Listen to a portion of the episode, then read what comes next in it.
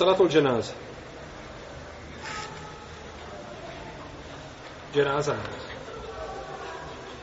Dženaza namaz je fardu kifaje. Kaže autor, i da fa'ale, i da fa'alehu ba'du muslimine, sakata anil ba'qin. Ako je obavi jedan dio muslimana, spada sa drugim. Smo kazali, ovo smo definicije govorili. Znači da ova definicija nije na mjestu. Ovo ovako se općenito kaže. Obični svijet može kazati ovu definiciju. Ovako, što uradi jedan dio muslimana, spada sa drugim. No međutim, čovjek koji se bavi naukom ne sve tako govoriti. Jer nauka znači ima precizne termine i riječi i mora se služiti znači, tim terminom. Tako da bilo preče da je autor rekao ono što uradi dovoljno broj muslimana ili ako uradi ga dovoljno broj muslimana spada sa drugim. Nema sumnje da je to autor ciljao tako, tako. Nema sumnja da je to cilja o tim riječima, ali termini nisu potpuno precizni, pa ih treba, treba ih promijeniti.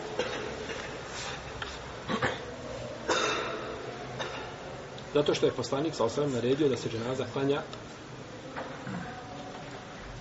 pa je došlo u hadisu Ebu Hureyre koga bileže Buharije, Nesaji i drugi da mu je donešena dženaza a taj čovjek je umro pod dugom Pa je pitao poslanik sa osam, je li ostavio išta čime bi se mogao podmiriti njegov dug? pa ako se kaže jeste, klanjao bi. A ako bi se reklo nije, rekao bi sallu ala sahibikum. Klanjajte vi, prijatelje vašem dženazu. Klanjajte mu vi. Naredio je da se klanja, ali on nije htio klanjati zbog toga što je otišao po dugu. I od Zajda ibn Halida, Zajda ibn Halida u Džuhani, ja se prenosi, da je čovjek od ashaba poslanika sallallahu alejhi ve selleme preselio na dan Hajbera. Pa su to, to spomenuli poslaniku sallallahu alejhi ve selleme pa je rekao klanjajte vašem prijatelju dženazu. Pa su se promijenila lica ljudi. Teško im je palo, je tako? Čovjek preselio u bitci na Hajberu i poslanik sa neće da mu klanja dženazu. Hadise, hadise kod Buharije. Pa je rekao poslanik sa osrme, on je, kaže, sakrio nešto od ratnog plijena. Sakrio je nešto od ratnog plijena. Pa su tražili,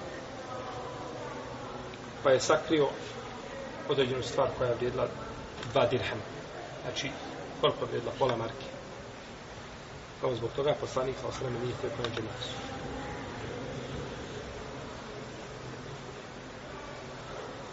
odlika za dženazu namaz, spomnjali smo hadis Ebu Horeire, ko klanja dženazu namaz, da ima kiratun, a koje prati dok se ne ne stavi u mezar, dok se ne zakopa, ima kiratan. Pa smo kazali da je svaki od njih kao brdo uhud ili više od toga. I prenosio se od Abdullah ibn Abbasa, da mu je preselio sin.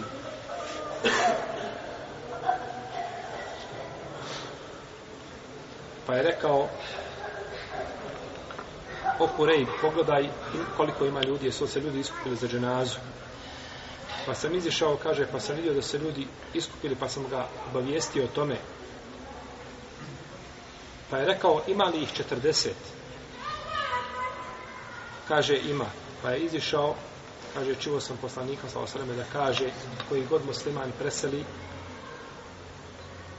a 40 ljudi mu klanja dženazu koji Allahu druga ne pripisuju, da će Allah primiti njehovo zagovorništvo.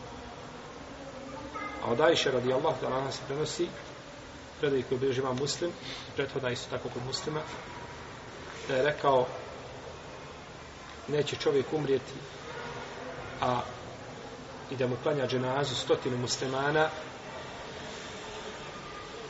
tražeći zagovorništvo za njega da to uzvišenje Allah ne prima. Svakako pod uslovom, jeli, koji smo prethodno spomenuli da, da šipne čini Allah za to da su muslimani.